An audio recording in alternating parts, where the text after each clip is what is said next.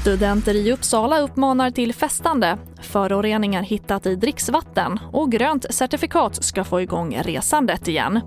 Ja, här är TV4-nyheterna som börjar med att smittspridningen ökar i Uppsala och nu pekas en grupp studenter ut för att medvetet trotsa coronarestriktionerna. Bland annat genom att ordna flera fester. I en Facebookgrupp har man uttryckligen uppmanat medlemmarna att varken testa sig eller samarbeta med regionens smittspårare. Här hör vi Mats Martinell, läkare vid provtagningsenheten i Uppsala alla fattar ju att det här är ju vansinnigt och, och farligt. Eh, och de flesta säger då till också att sluta upp med det där.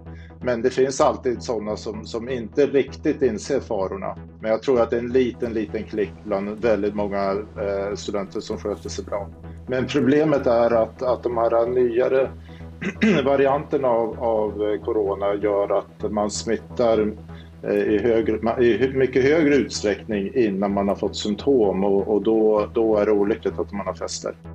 Och vi stannar kvar i Uppsala kommun där ett VMA har utfärdats i Björklinge, Skuttung och Läby efter att föroreningar upptäckts i dricksvattnet. Och allmänheten uppmanas att inte dricka vattnet. Föroreningarna går inte att koka bort och dricksvatten kan hämtas från tankbilar i området.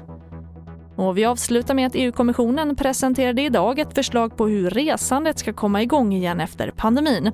Tanken är att resesugna EU-medborgare genom EUs nya gröna certifikat på ett enkelt sätt ska kunna visa upp sina uppgifter om eventuell vaccinering, nytagna tester och om man tidigare haft covid-19 och har antikroppar. Certifikatet ska kunna utfärdas både digitalt och på papper med en QR-kod. Och det var TV4-nyheterna. Jag heter Charlotte Hemgren.